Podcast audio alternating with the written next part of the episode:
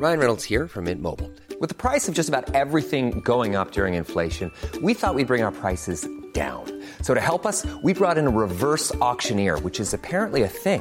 Mint Mobile unlimited premium wireless. Ready to get 30, 30, bit to get 30, bit to get 20, 20, 20, bit to get 20, 20, bit to get 15, 15, 15, 15 just 15 bucks a month. So, Give it a try at mintmobile.com slash switch.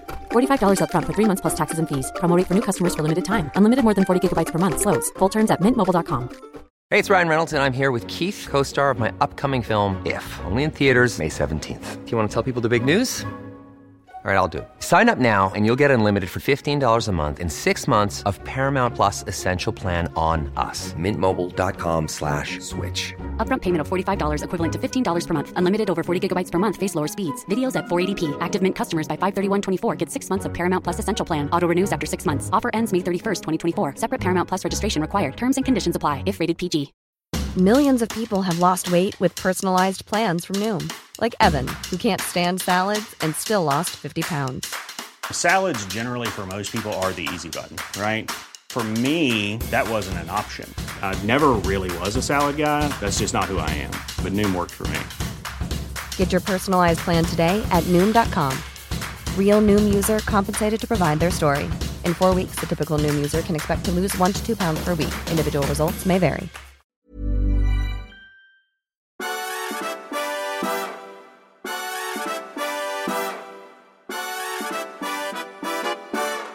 God morgon!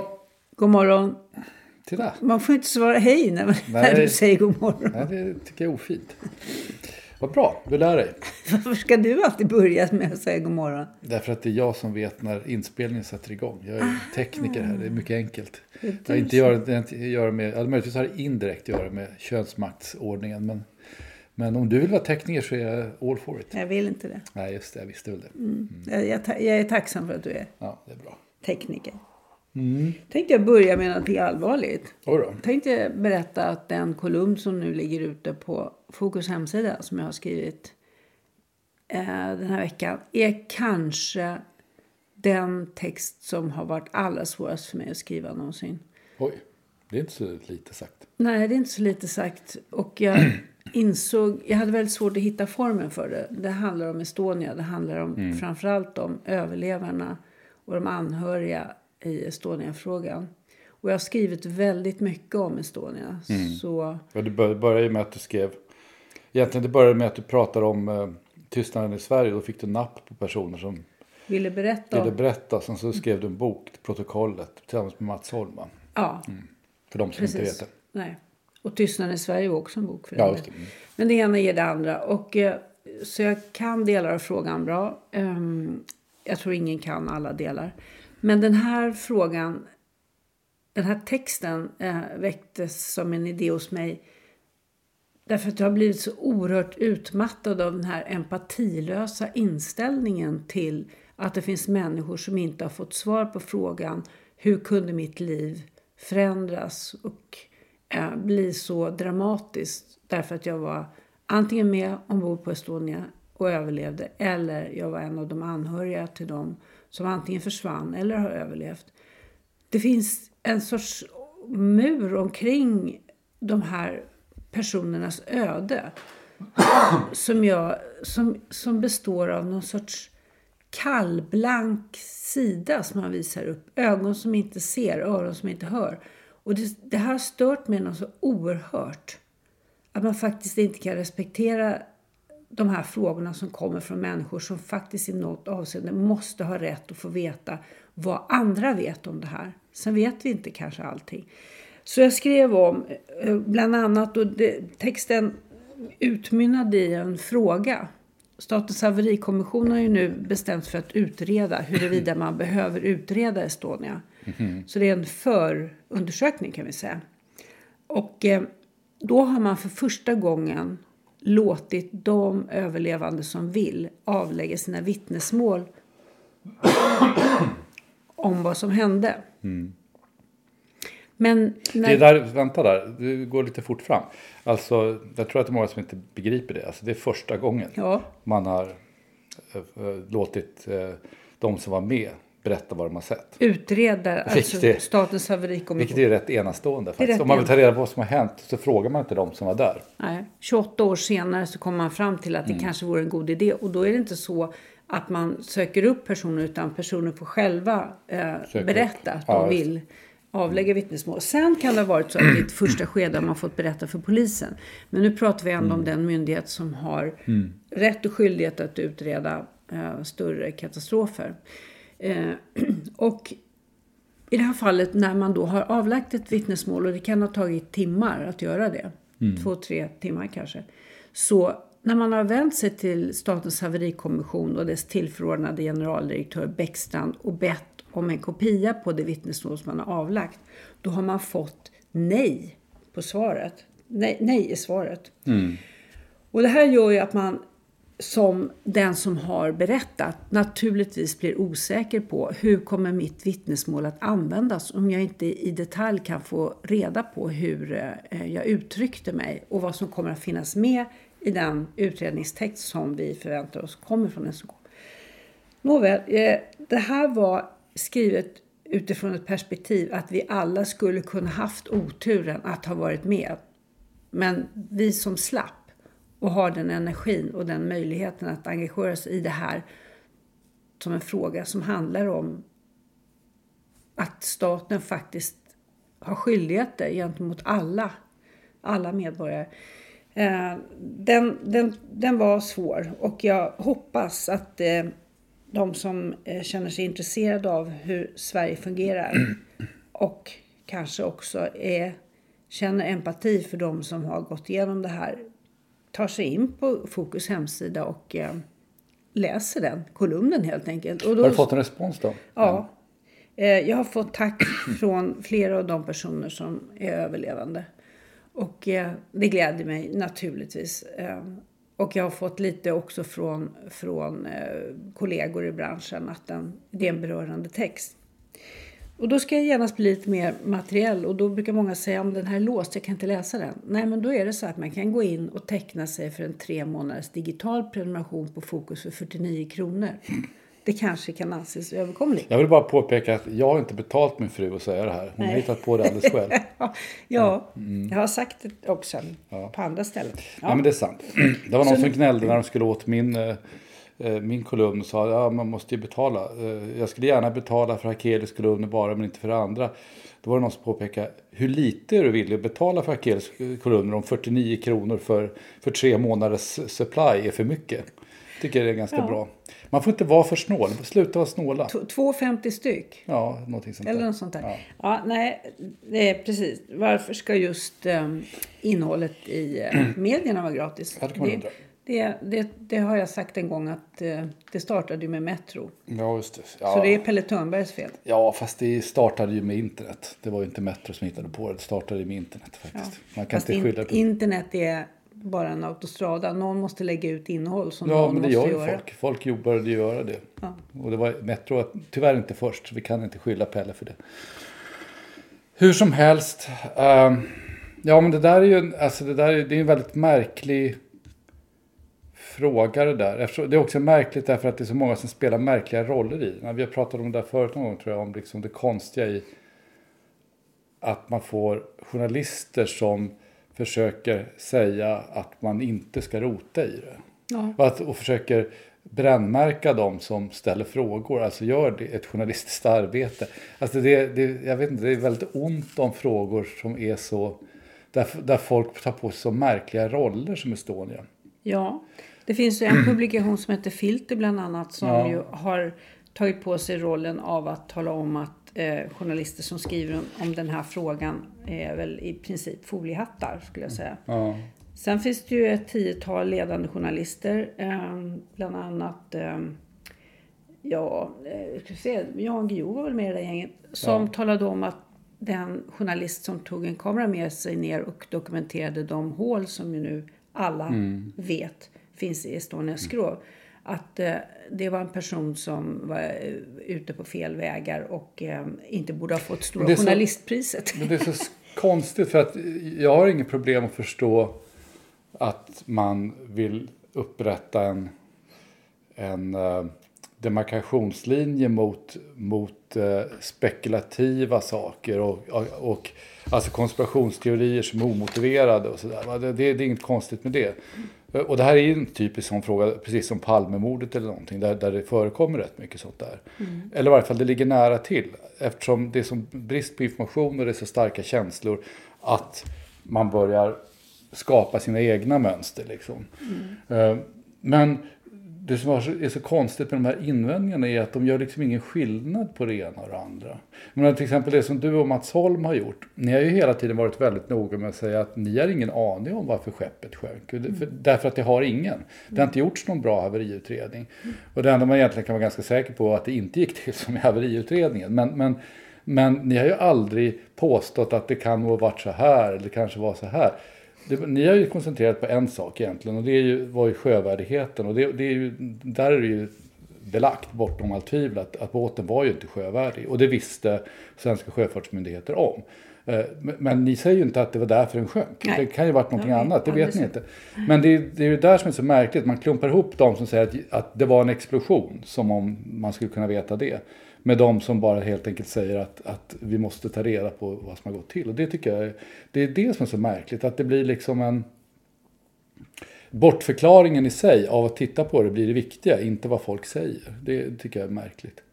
Ja, det känns ju ganska tröstlöst att mm. ha ett eh, gäng ledande journalister som är bland annat eh, på eh, Ekots grävgrupp mm. eh, på Aftonbladet, på SVT.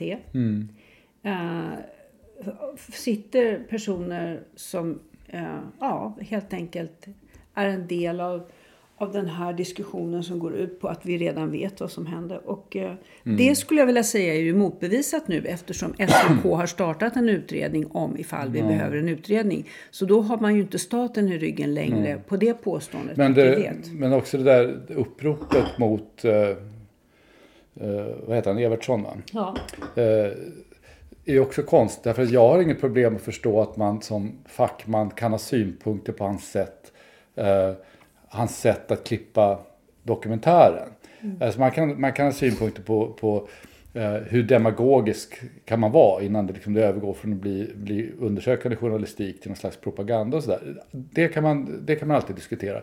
Men poängen är ju inte liksom den journalistiska kvaliteten i den meningen på filmen. Poängen är ju att de faktiskt berättar någonting nytt om Estonia för första gången mm. eh, på, på många, många år. Och det kan man ju inte bara förbise och säga liksom att det här är det här är dålig journalistik. Om man faktiskt hade lyckats komma, ta reda på någonting som inte vis, man inte visste förut, det väl, måste rimligtvis vara bra journalistik. Ja, och det var ju det Stora journalistpriskommittén ja, ja. tog fasta på när de gav honom. Ja, jag förstår inte, jag förstår liksom inte Så den där...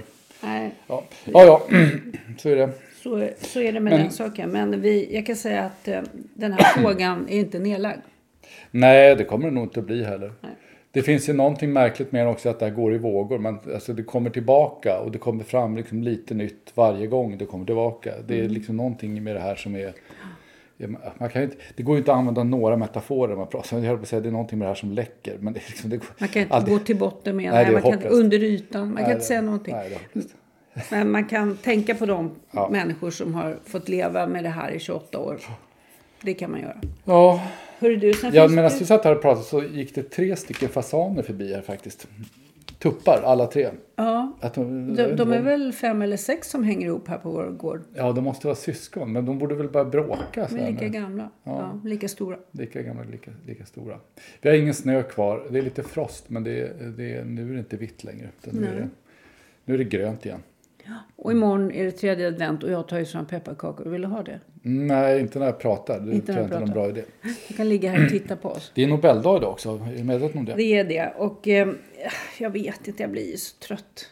Eh, Jaså, för det? Jo, jag blir så otroligt trött på den här diskussionen som Nobel eh, har tagit på sig om Eh, beslutet att på någon sorts människovärdesgrund som man kallar det, utesluta SD från inbjudningar medan man låter ambassadörer från diverse diktaturer eh, visa upp sig där. Jag, jag förstår inte hur man kan hamna i en sån här diskussion. Det är korkat. Det, det var väl Heikensten, eh, den förra diktören, som, som gjorde det där.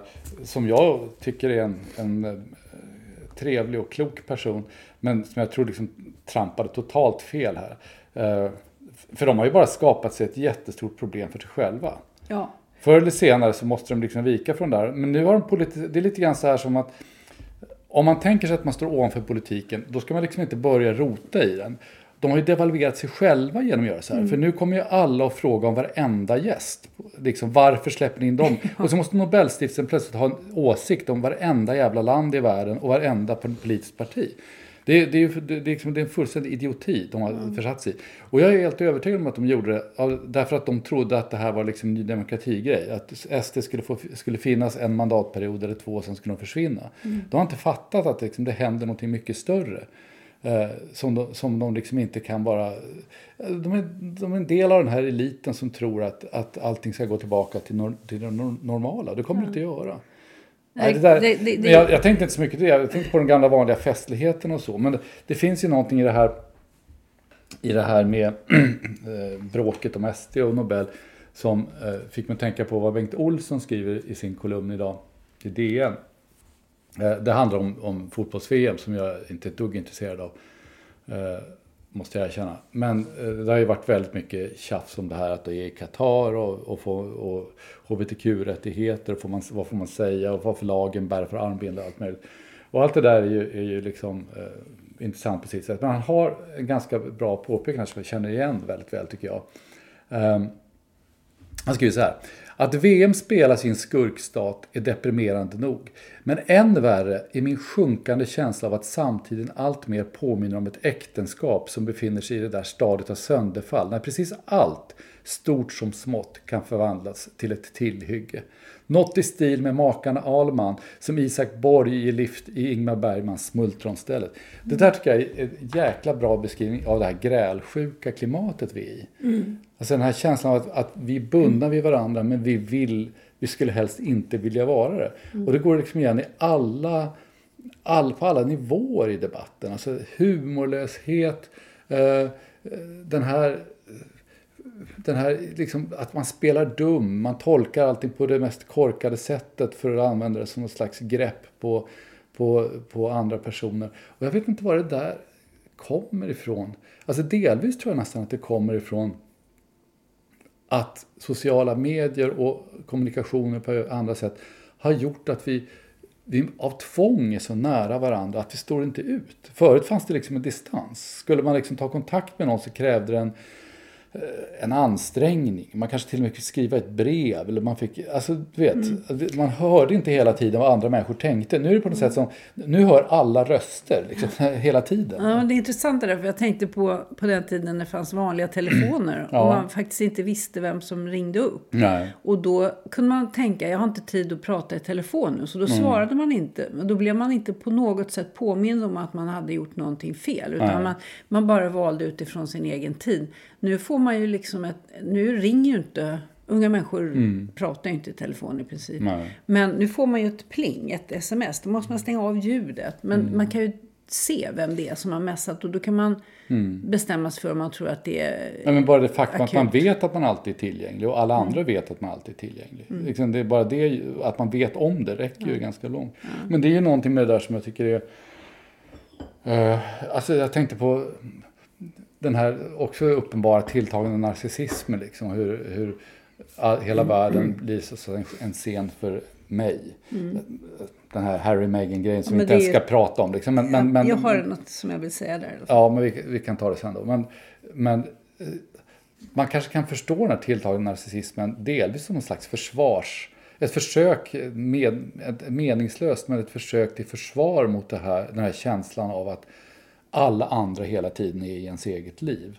Eh, det här som också skapar den här grälsjukan som, som Benke är inne på. Liksom. Att, att man känner att man kan aldrig, man kan aldrig värja sig från andra människors tankar och åsikter. De finns överallt. Det är en sån här eh, podd i, på Twitter. I, i, man hör det hela tiden, man ser det hela tiden. Det finns ingen... Det liksom, det, det Och då utvecklar man narcissism för, som ett skydd. Ja, alltså på ett sätt att man försöker stärka sitt jag genom att på något sätt försöka göra allting runt omkring en till bisaker.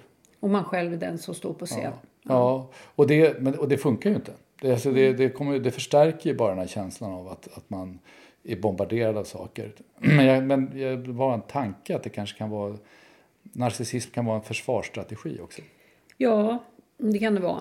En ganska ihålig, rätt så tråkig och Ja. utmattande strategi. Ja, särskilt därför att den förvärrar alltihopa för alla andra. Alltså den gör ju att man, man själv är där och tjattrar eh, självupptaget i alla andras öron hela tiden. Nej, jag, jag hade en, en, en eh, tanke om hur man skulle kunna göra det här. För det har varit en enorm uppståndelse kring den här Netflix-dokumentären. Harry och Meghan alltså. Harry och Meghan. Mm. Ja, det är ju helt enkelt att man skulle kunna välja. Man kunde unna sig själv att slippa se den och så skulle man kunna välja att läsa om den i tidningen. Då har man ju fått ett filter. Mm. Ja, och man kan göra det precis när man själv vill. Man behöver inte översköljas av en massa eh, saker som verkar Mm. Kan jag bara påpeka att jag har skrivit om den i Expressen tokiga. idag. Har du? Vad skrev prata- du? Ja, det har du ju läst, så det borde du väl veta. Berätta. Nej, men jag, jag vill inte, man får väl läsa den. Det, det handlar om att, att den här bizarra idén om att det här är en dokumentär, när det i själva verket är ju liksom en, en väldigt välregisserad, eh, eh, som alltid så här dålig reality-tv. Folk, folk låtsas att de är sig själva men spelar en roll. Ja. Mm. ja. Jag måste säga att jag uppsnappade någon eh, frågeställning där som kom från Harry som gick ut på hur förklarar man för sin partner att hon måste niga för drottningen? Ja, Ja, Ja. Det, det, kanske, det kanske inte är rätt person som man ska introducera i familjen då, jag vet inte. Nej. Det, finns ju liksom, det finns ju så mycket där som är så kladdigt så att det, det liksom är... Vilket får mig att tänka på en annan skandal, den här polisskandalen som man läser Ja, om. kära någon.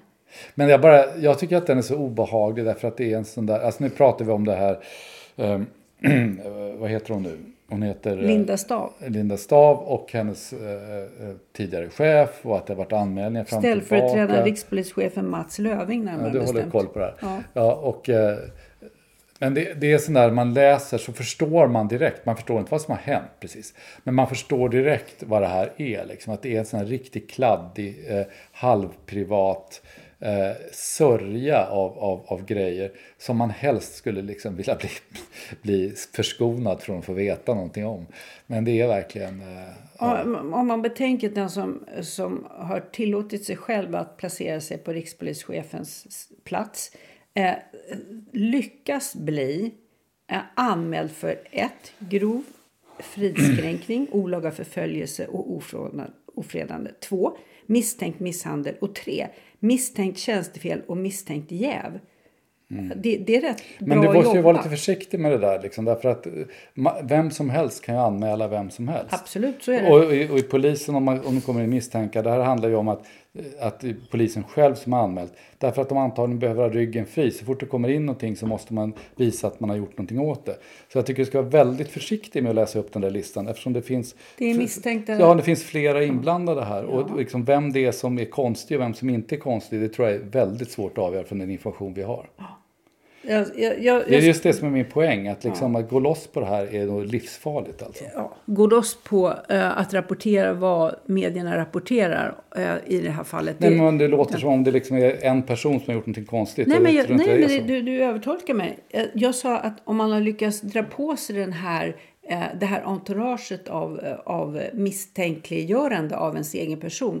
Då, då har man, alltså, eh, antingen så är man stalkad av någon eh, som har sett till att, att göra allt det här. Eller också så har man inte lyckats, eh, som det brukar kallas för, eh, ja, freda sig själv. Jag vet inte, jag drar inga slutsatser direkt om personerna just därför att jag tycker att det här är så kladdigt. Däremot kan man ju dra en slutsats om organisationen. Och det verkar ju vara som att polisen är lika illa eller kanske till och med aningen värre än Svenska kyrkan som ju är legendarisk för sina, sin obehagliga arbetsmiljö och eh, mobbningar och avstängningar och, och, eh, och övergrepp hitåt och ditåt. Det verkar ju vara en, en ytterst illa fungerande eh, arbetsmiljö. Och, och eh, Eh, och, och vilket ju verkar vara legio i Sverige numera. Man tänker på att SJ inte klarar av att köra tågen och Banverket inte klarar av det. var ingen, och, pa, och pa, passpolisen och allt det där. Det är liksom, inget verkar funka.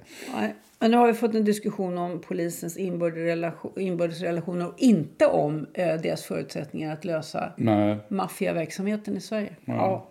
Eh, lite kultur i alla fall. Jag, jag tyckte det här var rätt så fascinerande. Eh, det visar sig att de ukrainska myndigheterna anhållit åtta personer som har försökt ta bort ett verk av gatukonstnären Banksy. Alltså inne i Ukraina under ja. pågående eh, krig så är det då tjuvar som uppges vara mellan 18 och 60 år som har lyckats skära ut den här, eh, den här, det här konstverket ja. från väggen och försökte de eh, ja. transportera bort den. Men det gick, men det gick inte. Nej, svårt att klandra. Den visar en papiljottförsedd kvinna med en brandsläckare i handen. Ja, så där. Ja. Det andra, jag läste en annan kul notis. notis det var en tjej i Kalifornien som hade fått eh tillstånd av Djurskyddsmyndigheten att hålla en enhörning om hon hittade den. Okay. Men det var, var mycket villkor. Hon måste hon måste putsa hornet en gång i veckan. Hon måste mata med vattenmelon en gång i månaden. Och så skulle allt glitter som, som, som enhörningen skulle ha på sig måste vara biologiskt nedbrytbart och sådär. Ja. Men det var en tjej som hade kommit in med den här erbjudandet. Och då hade myndigheterna bestämt sig för att, till, att De skulle se ja. god, godvilligt på det. Ja. ja. Så det, det, är en, i varje fall en glad nyhet för alla enhörningsälskare där ute. Mm. Det händer något kul. Ja. ja, jag tror vi har dragit över tiden för jag glömde sätta på klockan från början. Men ja, eh, jag tror att vi ska inte... tycker jag att vi ger oss Vi ska då. inte ligga våra lyssnare till last som det heter. det tycker inte jag heller. Nej. Nej. Så vi ger oss nu. Um, så hörs vi. Vi hörs i veckan. Vi funderar lite grann på om vi ska byta dag för vi brukar ju vara på onsdagar. Vi har inte riktigt bestämt än hur vi ska göra. Men det, det Nej, vi funderar på tisdag eller torsdag så om det är någon lyssnare med eh, synpunkter, synpunkter så hör av er. Ja just det. För att eh, det är nämligen så att på onsdagar har vi väldigt mycket annat på morgonen. Ja. Så att det är bättre att göra. Men eh, annars så, ja ni märker när vi vi ses när vi när hörs. vi sätter igång. Ja. ja. Hej då! Tack, hej!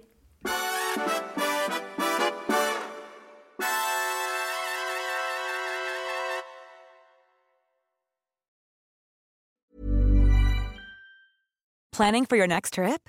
Elevate your travel style with Quince. Quince has all the jet setting essentials you'll want for your next getaway, like European linen, premium luggage options, buttery soft Italian leather bags, and so much more. And is all priced at 50 to 80% less than similar brands. Plus, Quince only works with factories that use safe and ethical manufacturing practices. Pack your bags with high-quality essentials you'll be wearing for vacations to come with Quince. Go to quince.com/pack for free shipping and 365-day returns.